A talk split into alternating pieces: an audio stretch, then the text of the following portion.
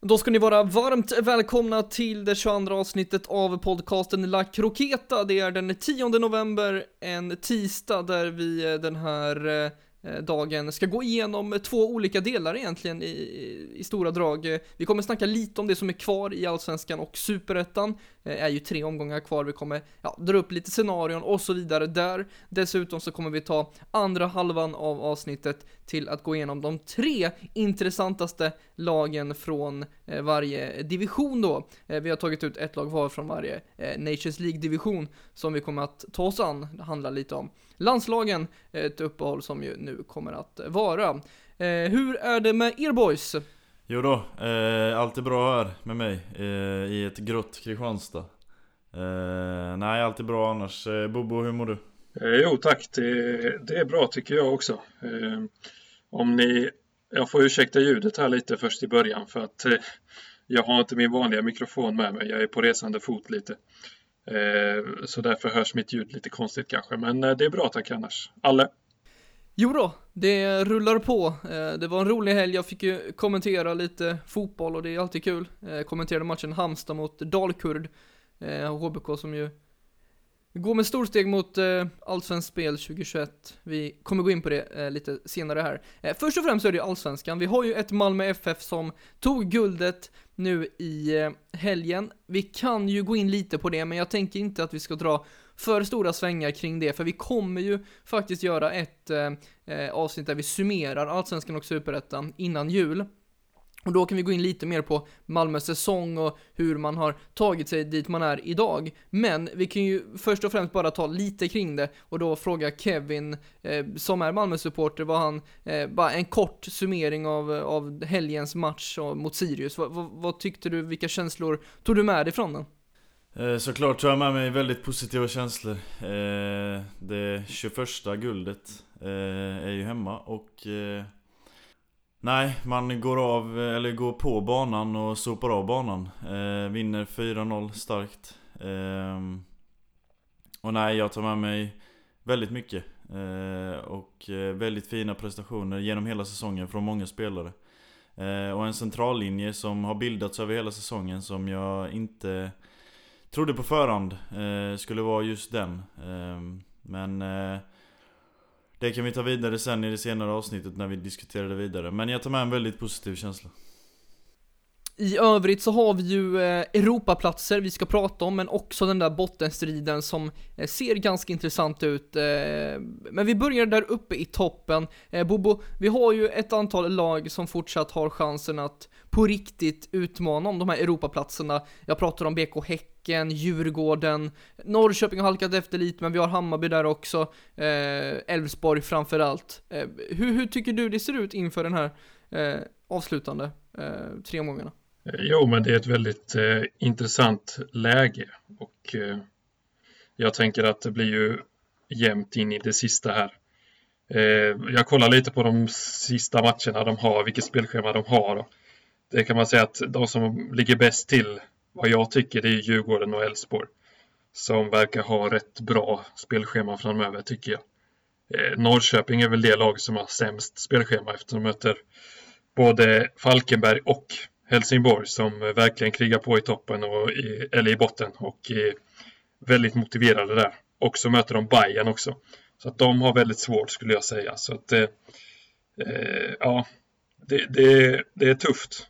Eh, för dem Häcken och Hammarby tycker jag är helt okej okay spelschema också. Så att eh, de har väl chansen. Men eh, det ser väldigt bra ut för Elfsborg just nu som leder med två poäng på andra platsen där som sitter i förarsätet inför de fyra sista här. Eller tre sista. Så att eh, ja, det är väl lite fördel Elfsborg skulle jag säga. Känslan är väl att det är eh, Elfsborg, Djurgården och Häcken som det kommer att handla om just nu i, i den där eh, fighten. Eh, vi kan ju gå igenom då, Elfsborg kommer att möta eh, Helsingborg, Sirius och AIK. Vi har ett Djurgården som möter Kalmar, Mjällby och Varberg, vilket jag har på att för att det är det enklaste schemat, tycker jag. Eh, och Häcken möter Göteborg, Örebro och Kalmar. Eh, så att det är så schemat ser ut och jag tror inte de lagen tappar så mycket poäng så att Norrköping och Hammarby eventuellt kan blanda sig i det. Nu har de tappat allt för mycket mark, tror jag. Så jag tror att det står mellan de tre och jag tror ändå att Djurgården går förbi Häcken och så går Djurgården och Elfsborg ut i ett Europakval till nästa år. Um, om vi tar botten istället då, där har vi ju eh, Kalmar, vi, ja Göteborg är fortsatt, fortsatt kvar där, sen har vi Eh, Falkenberg och Helsingborg.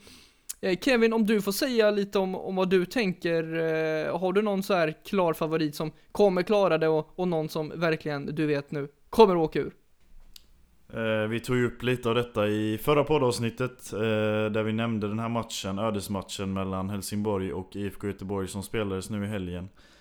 Eh, IFK Göteborg gick ju vinnande ur den striden vilket gör att eh, jag tror att de kommer eh, stå kvar på den här trettonde platsen och eh, bli kvar i Allsvenskan helt enkelt.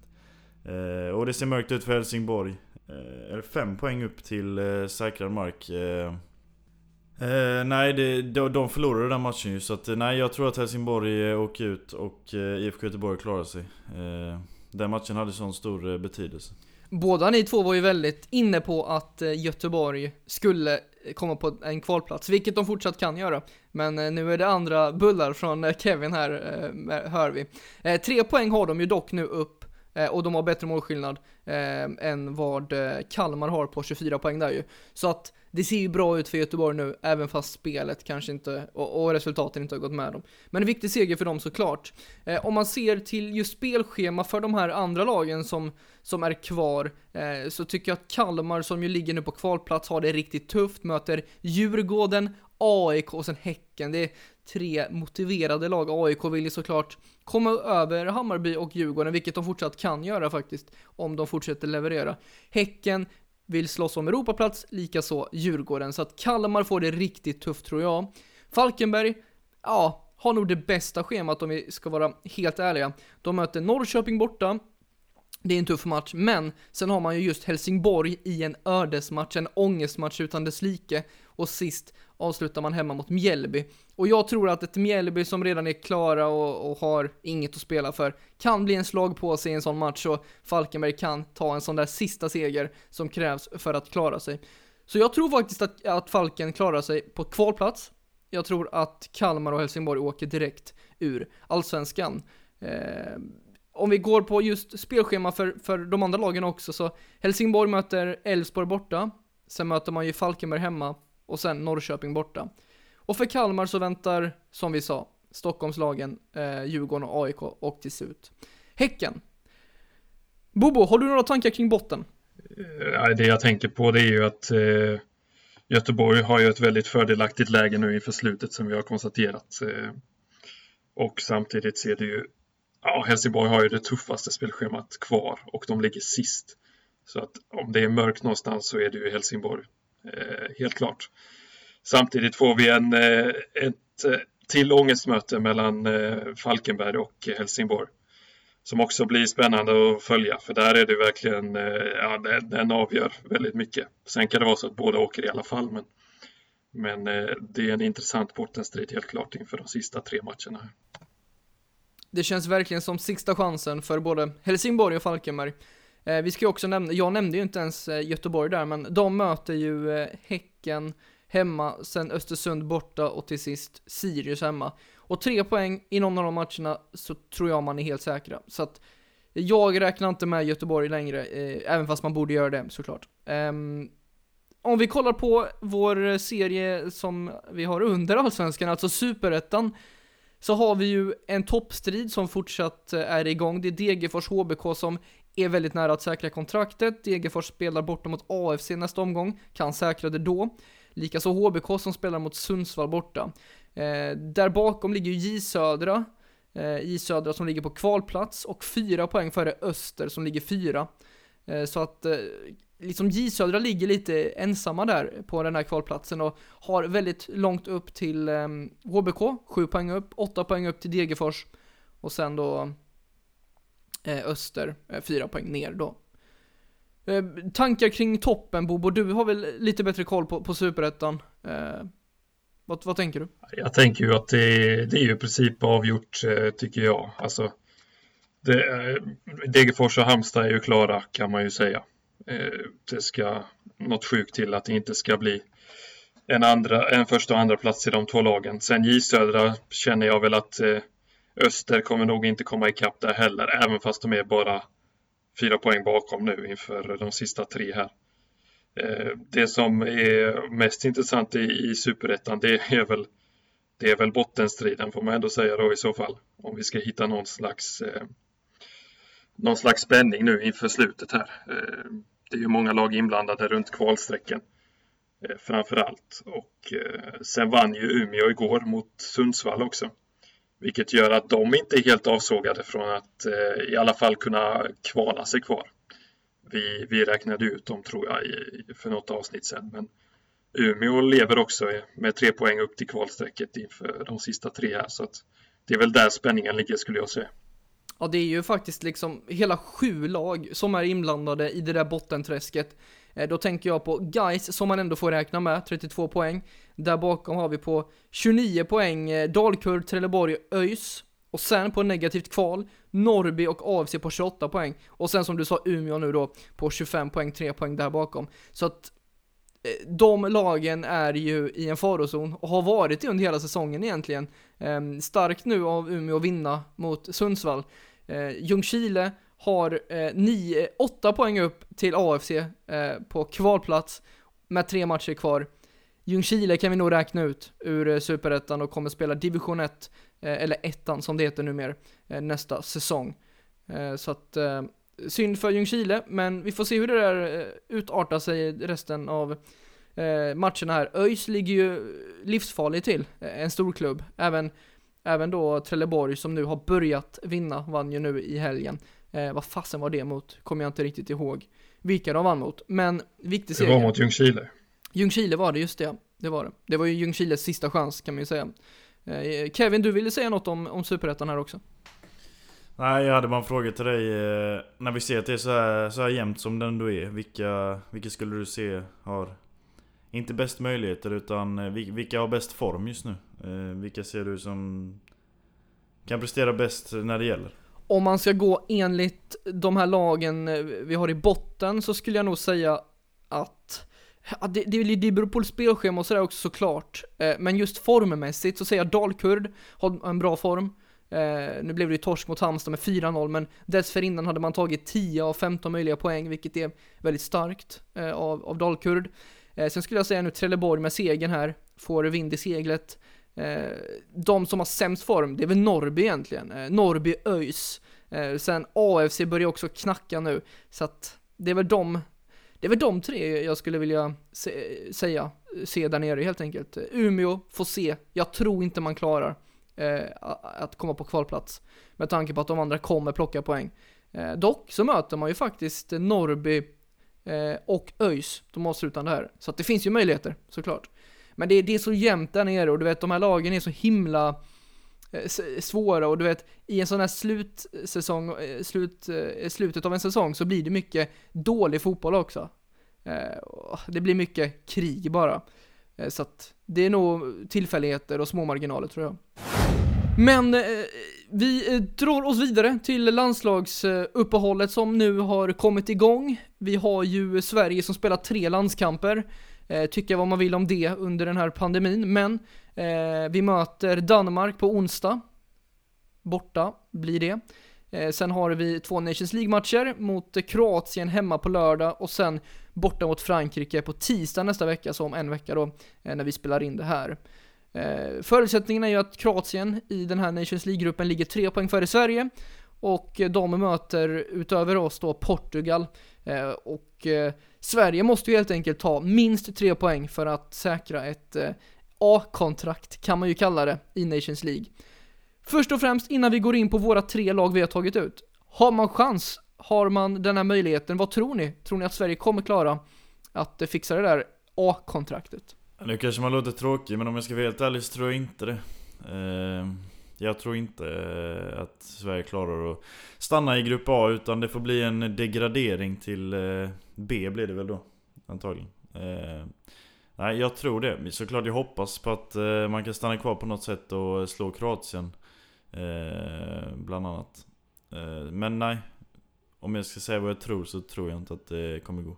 Eh, nej, alltså det är ju Kroatien-matchen som det hänger på. Eh, och man har ju dem hemma här också och jag tycker man gjorde en bra match i, borta i Kroatien i oktober så att eh, Ja, sen vet jag inte hur det ligger till med målskillnad inbördes. Jag hörde att det var inbördes möte, men det får kanske alla utreda mer än mig. Men det är ju den matchen som det hänger på. Blir det förlust där, då är det kört.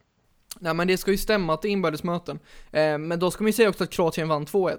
Eh, så att det gäller väl att Eh, ja, det räcker med 1-0 då borde det göra om man räknar bortamålsregel och sådär. Eh, jag är inte hundra på hur det där fungerar faktiskt. Men eh, bra att du tog upp lite med hur, vi ska reda ut Nations League, för vi gick ju igenom lite hur det fungerade för några avsnitt sen här. Men vi kan ta en liten bara uppdatering på så alla förstår. Och det är ju så att det finns fyra olika divisioner där olika lag då är i, som spelar i olika de här divisionerna då. Sverige spelade ju förra gången i B-divisionen, vann den, är nu i A Eh, och behöver eh, komma näst sist eller bättre för att klara sig där. Vinnaren i A, i grupperna då, det finns fyra stycken, de möts sen i ett slutspel och sen korar man då en mästare i Nations League. Eh, I övrigt så handlar Nations League i stora drag om att få en bra placering för att hamna på en bra eh, kvallott, eh, en bra sidning, eller för att få en extra chans att gå till EM-slutspelet. Och det är det vi kommer prata lite om senare här också. Vi kommer gå igenom eh, det som avgörs nu då, vilka som kommer genom Nations League till EM-slutspelet som blir 2021 istället för 2020. Eh, så att det är lite så korta drag som Nations League går ut på egentligen. Men vi har ju som sagt då tagit ut ett lag var. Eh, Kevin har gått igenom A-gruppen, jag har gått igenom eh, C och D och Bobo har gått igenom B. Och då har vi tagit tre landslag som vi tycker är lite mer intressantare än de andra eh, som finns i de här grupperna. Eh, och gått igenom lite spelare, kanske deras väg till EM eller icke-EM och så vidare. Eh, och varför vi har just valt de här landslagen för att få en lite mer inblick i vad, vad det finns för intressanta landslag och nationer som kanske kan bli eh, roliga att se på framöver. Eller är det redan idag? Och då har jag eh, valt eh, i C eller D-divisionen. Eh, ja, då vi börjar nerifrån och uppåt.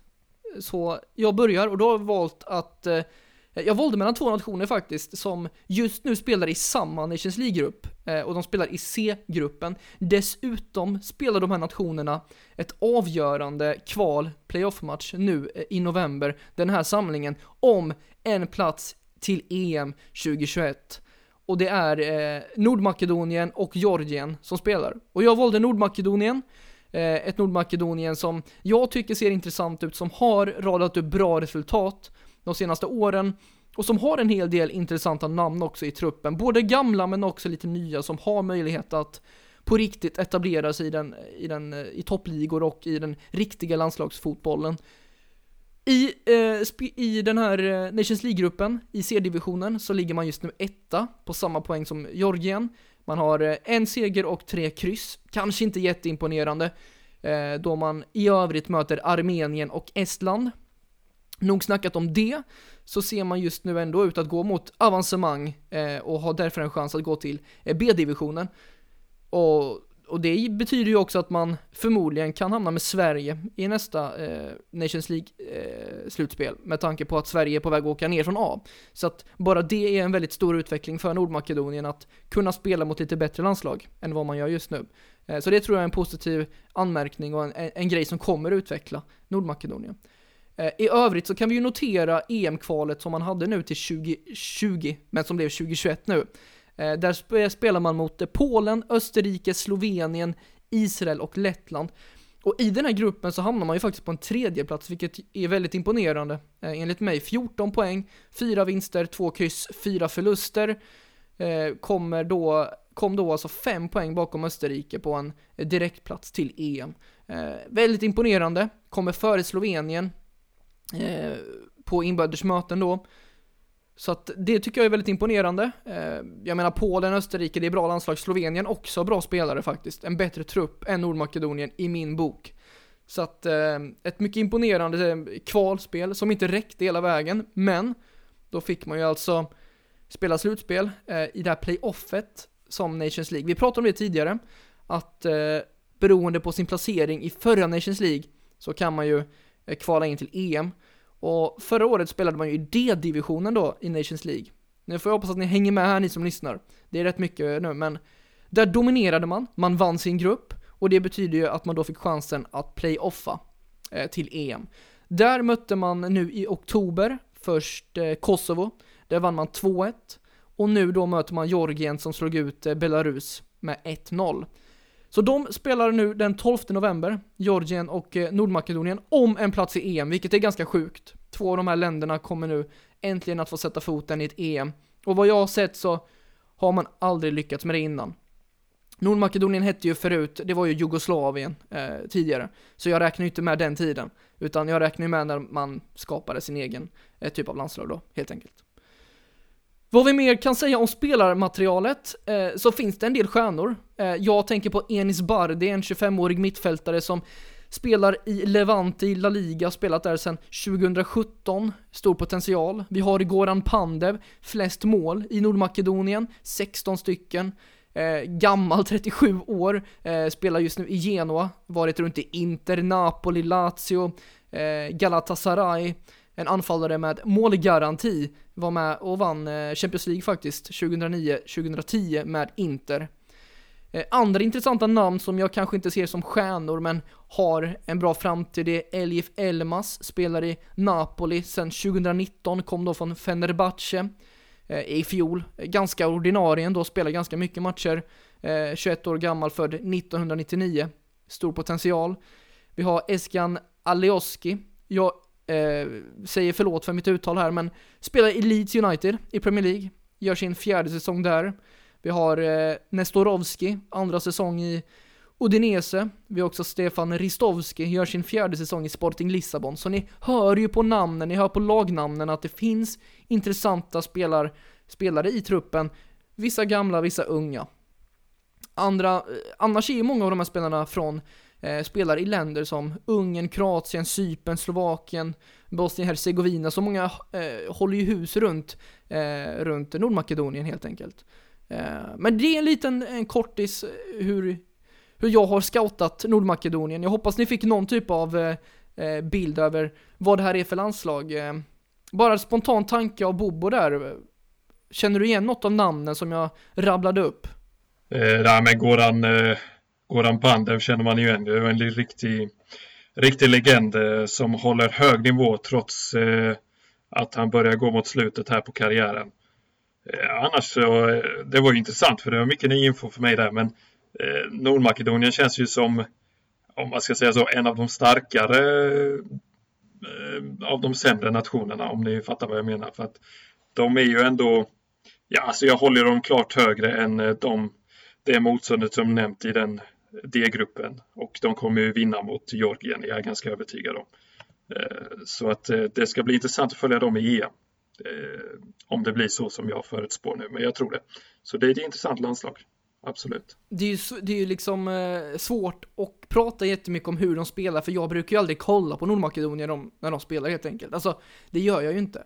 Eh, för att jag har inget intresse av det egentligen. Och, och, det är därför det blir kul att se dem i EM om de nu går dit. Eh, för då, då kommer man ju kolla. Då kollar man ju i princip alla matcher i ett EM. Eh, så det blir kul att se då eh, hur de har utvecklats och sådär. En liten kul grej om just Enis Bardi är ju att jag kollade på en youtuber som heter Chani Sports.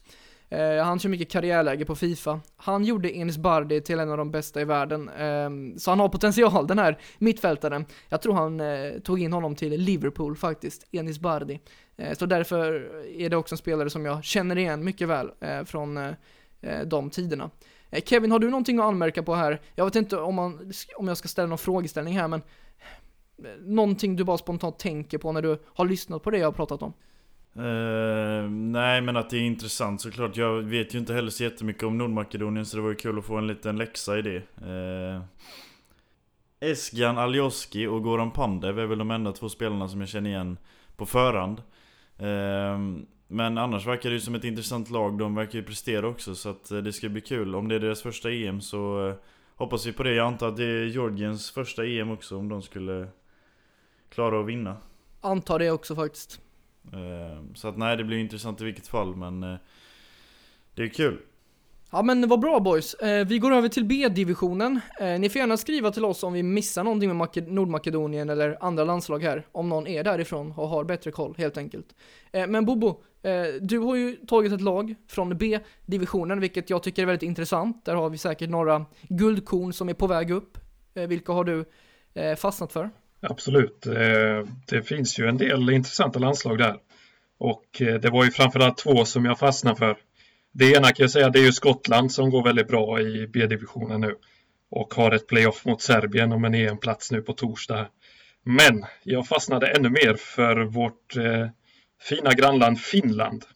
Och deras eh, spännande landslag faktiskt som jag tycker eh, har imponerat verkligen jämfört med tidigare, tidigare år. Och eh, vi kan ju säga så att läget i, i Nations League kan vi börja med, det är ju att man har två matcher kvar och det är ju avgörande på det sättet. De har ju chansen att gå upp i A-divisionen. De spelar ju mot, eh, mot eh, ska vi se vilka det var.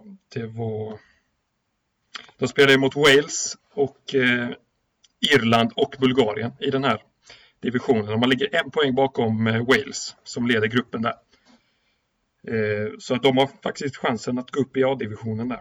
Men eh, det som imponerar ännu mer det är ju att de är klara för EM 2021 genom ett fantastiskt kvalspel i EM-kvalgruppen då som spelades eh, tidigare under 2019-2020 där. Eller 2019 var det nog. Man kom tvåa där i en grupp med Italien som vann överlägset i den gruppen. Eh, och sen lyckades man hålla bakom sig både Grekland och Bosnien eh, och Armenien och Liechtenstein.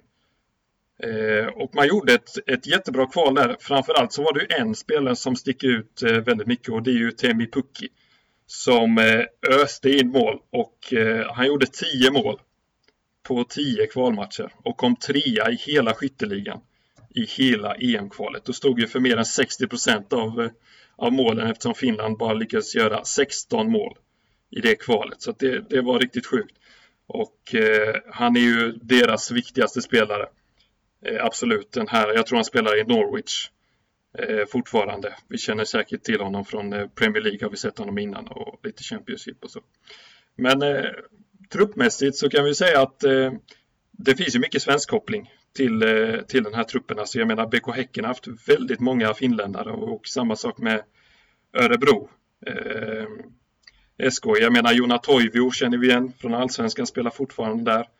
Vi har eh, vi har Albin Granlund i Örebro. Eh, Vi har Rasmus Karjalainen i Örebro. Eh, Och sen så har vi lite gamla spelare. Vi kommer ihåg Tim Sparv till exempel som spelade i HBK bland annat och Nikolaj Alo eh, också. Och så har vi ju en till som jag ville ta upp. Det är ju Joanni Ojala som spelade förra säsongen i Häcken men som nu gått över till den danska ligan. Så det finns ju en hel del eh, spelare som man, man har sett och, och Tim Sparvi är kapten i det här finska landslaget. Spelar just nu i, eh, i Grekland. I, i Larissa eh, heter klubben tydligen. Eh, 33-åringen som har eh, eh, verkligen eh, burit det här laget och tagit ett allt större ansvar.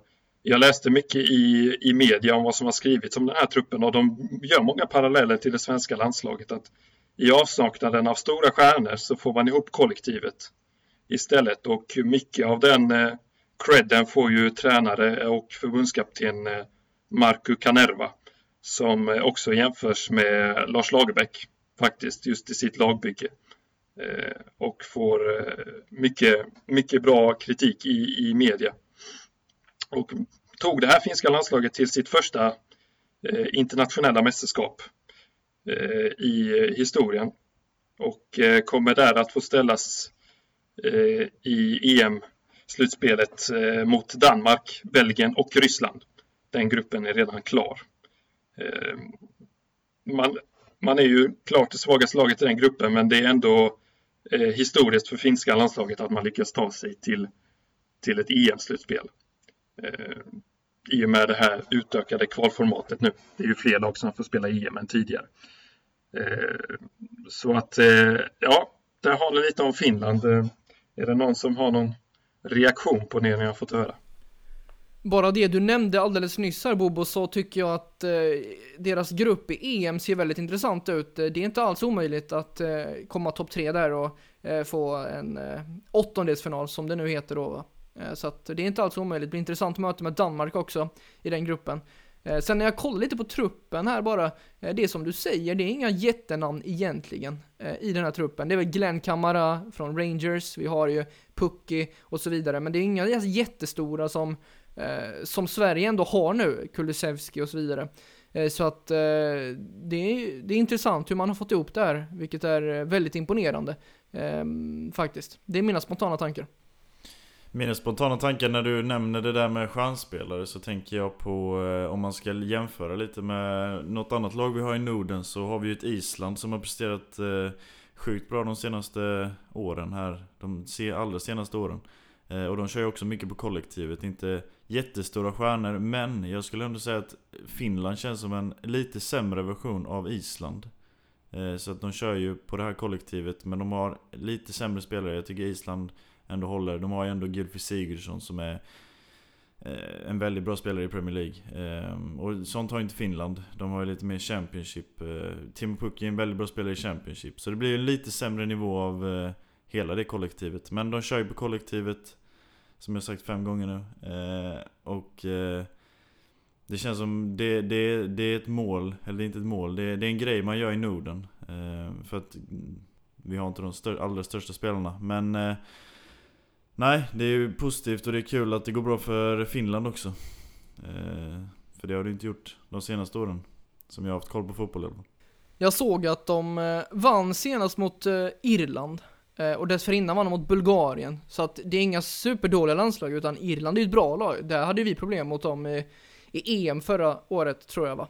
Eh, så att eh, vi har alltid haft problem mot Irland i och för sig men ja, det är imponerande. Det är fina siffror och resultat de radar fram. Ja, exakt. Och sen har de ju samtidigt chansen att gå upp i A-divisionen, vilket är helt sjukt också. Man möter ju Wales och Bulgarien i den här sista samlingen. Och eh, gör man en bra insats där så kan, kan vi ha Finland i A-divisionen i Nations League, eh, vilket är galet. Men eh, ja, de imponerar ju resultatmässigt, 100 procent. Så att eh, vi får se hur det går framöver för, de, för våra grannar där i öster. Jag tänker bara om de skulle klara att gå upp till A så har vi ju Danmark har vi i A ju, vi har Island Jag vet inte om Island kommer åka ner dock eh, Och Sverige kanske också ryker Men hur, hur ligger Norge till i B? Vet någon det?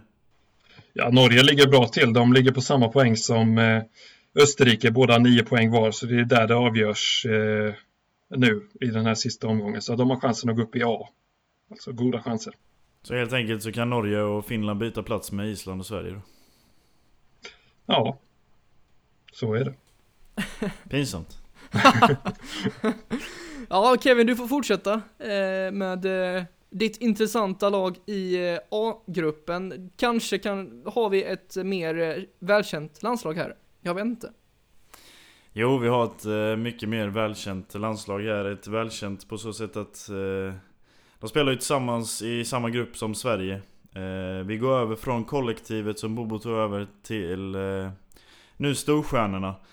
Jag har valt EM-vinnarna från 2016 och Uefa Nations League-vinnarna från 2019.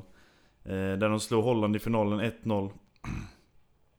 Jag tycker att detta laget, Portugal då, eh, är det mest intressanta laget eftersom eh, jag ser dem verkligen till som en stor kandidat till att vinna EM 2021. Eh, Och de har ett väldigt starkt lag.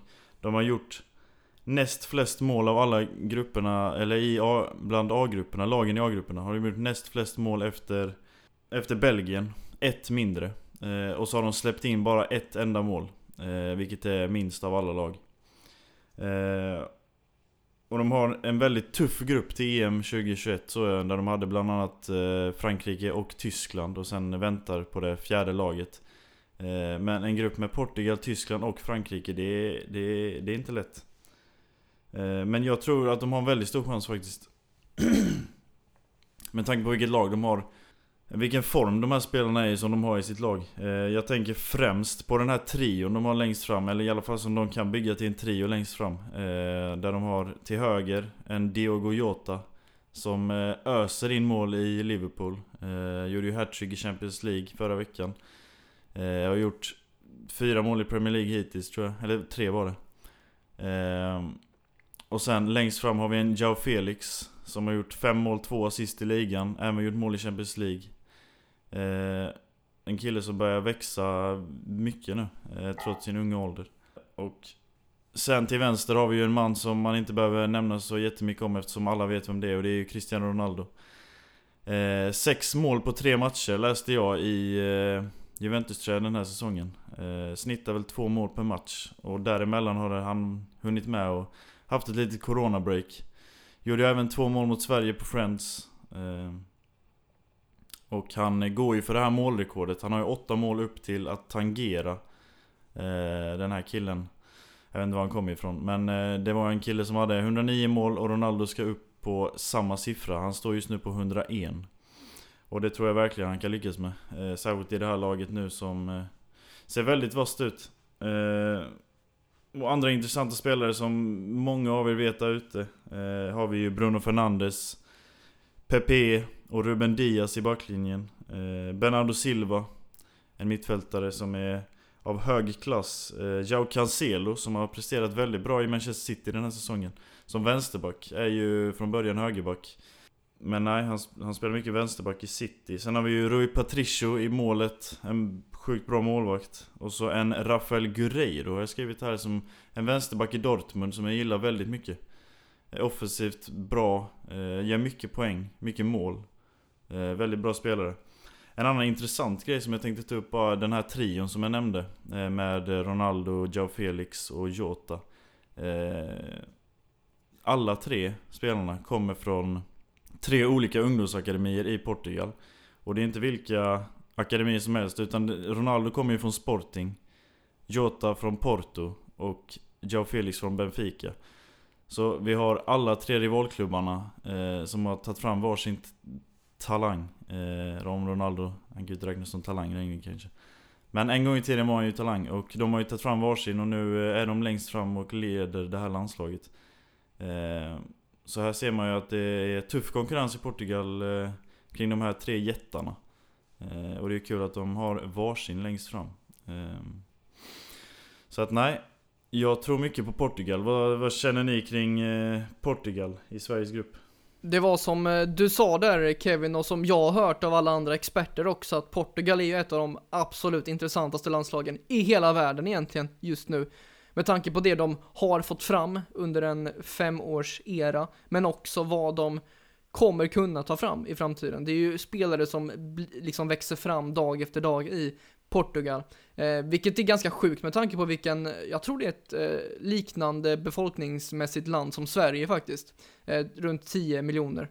Eh, vilket är enormt häftigt hur man kan producera så här bra fotbollsspelare. Eh, och, och, det är bara att kolla på truppen, jag har den framme här nu. Det är, det, jag behöver inte nämna så många fler vad du har gjort, men det finns ju fler att nämna. Eh, Gonzalo Guedes är bara en som, som har en bra framtid också, spelar ju i Valencia just nu. Eh, så, ja, det, det, finns många att nämna eh, och jättekul att höra det där med eh, akademispelarna också, var de kommer ifrån sådär. Det är intressant eh, info att, att ta del av. Det jag tänker på det är ju att eh, äh, Portugal är ett ruskigt svårt motstånd att möta. Alltså det, det finns så mycket kvalitet på alla positioner att, eh, att de ja, alltså det, ja, jag tror mycket väl att de vinner sin grupp eh, och eh, kommer kanske vinna hela Nations League här. Eh, ja, som ni har varit inne på, det finns hur många spelare som helst och konkurrensen är ju stenhård så att även om man är bra så kanske man sitter på bänken eller inte ens är uttagen. Eh, vilket gör det här landslaget till, till bland de bästa i världen skulle jag säga. Så att, eh, nej, eh, vi gillar Portugal idag kan jag säga. Något som eh, jag inte trodde på förhand var ju när, för när väl Portugal vann den här EM-bucklan 2016 så gjorde man ju det i ett underläge i finalen och jag läste att man började den turneringen väldigt dåligt. Eh, tre matcher oavgjort. Gick vidare som bästa trea. Eh, och sen gick man hela vägen till final och vann mot Frankrike på deras hemmaplan. Där kände jag ändå att Portugal nästan pika eh, Eftersom att de hade ju väntat på den här titeln ända sen de var ju i final EM 24 eh, Och detta var ju 12 år senare då Under den tiden hade de byggt upp och äntligen fick de liksom lyfta bokalen som de eh, har suktat efter. Men nu, fem år efter det, så känns det som att de har steppat upp ännu mer. Eh, de vann ju Uefa Nations League som jag nämnde. 2019 och nu känns de ju ännu starkare, starkare än någonsin. Så att, nej det trodde jag inte på förhand men de bygger ju verkligen på på det här vinnande, vinnande laget som, eh, som de har nu för tillfället. Och just det du var inne på Kevin, det finns ett varningsfinger tycker jag i Portugal. Och det är inför EM 2021. Och det är att man är då i den här svåra gruppen med Frankrike, Tyskland och då ett till landslag. Och om vi då drar parallellen till EM 2016, där man kom trea i en grupp med Ungern, Island, Österrike, så måste man på riktigt vara igång direkt till nästa EM-slutspel. Det funkar inte att gå på halvfart som man gjorde då eh, att ta tre poäng mot de lagen, det är inte bra. Ändå lyckades man vinna allting, vilket var helt sjukt. Men det är inte bra. Eh, och där hade man ju lika väl kunnat åka ur. Det var ju Ronaldo som räddade dem, eh, vad jag kommer ihåg från de matcherna.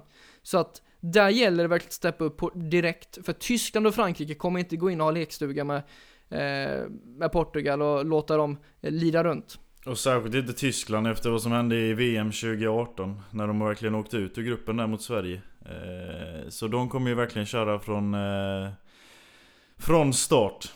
Ja, eh, mycket, mycket intressanta landslag vi har fått fram boys. Tycker alla har gjort ett bra jobb med alla research. Men vi har en sak till jag vill gå igenom med er. Det är ju de här fyra platserna kvar till EM. Sverige, för Sverige handlar det om matchen mellan Nordirland och Slovakien. Vilket av de lagen som vinner kommer hamna i Sveriges grupp. Sverige som har en svår grupp, Polen, Spanien och då någon av de här eh, lagen. Men jag tänker att vi ska lotta, eh, lotta, vi ska, vi ska tippa menar jag. Vi ska tippa eh, de här fyra matcherna. Vi börjar med Georgien, Nordmakedonien. Jag vill ha snabba svar. Vi börjar med Bobo, vilka går vidare här? Ja, Nordmakedonien som jag sa innan. Eh, jag litar på Alice och Nordmakedonien. Ja, jag tar också Nordmakedonien. Jag skulle dock säga att det är jämnare än vad ni säger att det är, men jag säger Nordmakedonien också. Eh, Ungern, Island, Bobo?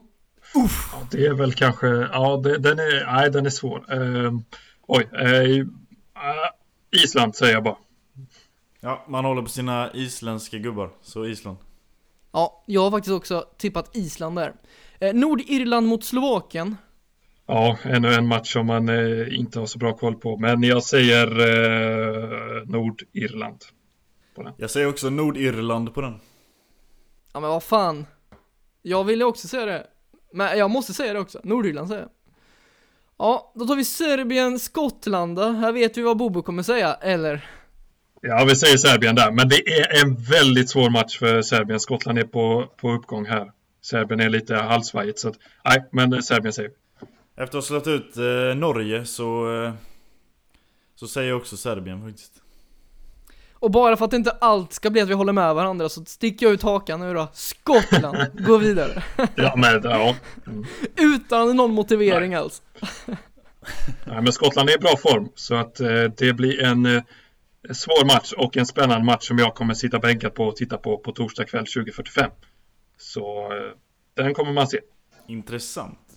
Ja, skitkul faktiskt. Uh, ni ska veta det, ni som tycker om Fifa, att vi har planer på att göra ett avsnitt där vi går igenom lite uh, vilka Fifa-upplevelser vi har på detta spel 21. Uh, eh, se om Kevin också har lirat lite först innan vi, vi gör det. Eh, handlar om lite karriärlägg och sådär, vi, vi kan gå igenom hur det går för oss och sådär, eh, som vi spelar på fritiden. Men med de orden så tackar jag så mycket för det här avsnittet. Bra jobbat boys. Eh, det var intressant att få lite olika, först allsvenskan och superettan, sen lite landslag, där vi grottar ner oss lite mer. Jag tycker det är spännande istället för att prata generellt. För nu, nu kan man lite mer om Nordmakedonien och jag kommer ju följa dem i det här slutspelet, eh, eller i playoffet mot Georgien, lite mer med ett extra öga. Eh, så det blir skitkul. Någonting ni vill tillägga? Nej, det ska bli det ska bli spännande med landslagsfotboll, även fast jag gillar klubblagsfotboll ännu mer. Så, men, men det ska bli kul att följa landslagen och nu när du har gett mig en lektion i Nordmakedonien så kommer man ju slänga ett extra öga på, på dem. Och de matcherna som avgör vilka lag som ska gå till EM. Det, det blir kul att följa. Ja, efter det här så vet vi ju vilka 24 lagen, de 24 lagen är som kommer spela EM nästa år förhoppningsvis och eh, då är det klart liksom och eh, samtidigt avgörs ju Nations League också så att eh, spännande landslagsfotboll och jag är faktiskt taggad på det här uppehållet nu. Det ska bli kul att följa landslagsfotbollen igen. Ja, och något vi kan få anledning att prata mer om är ju det här EM 2021. Kommer det verkligen spelas i olika länder? Det kanske inte blir nu, med tanke på allt som sker i Europa och världen. Eh, vi återkommer till det om det, vi får en uppdatering kring det läget och tackar för att ni har lyssnat på det här avsnittet. Ni får gärna skicka in lite funderingar om ni har någon koll på Finland, Nordmakedonien, Portugal, eh, någon vidare koll, eh, så får ni ha det så bra fram tills dess. Eh, tack och hej! Hej då! Hej! Ah.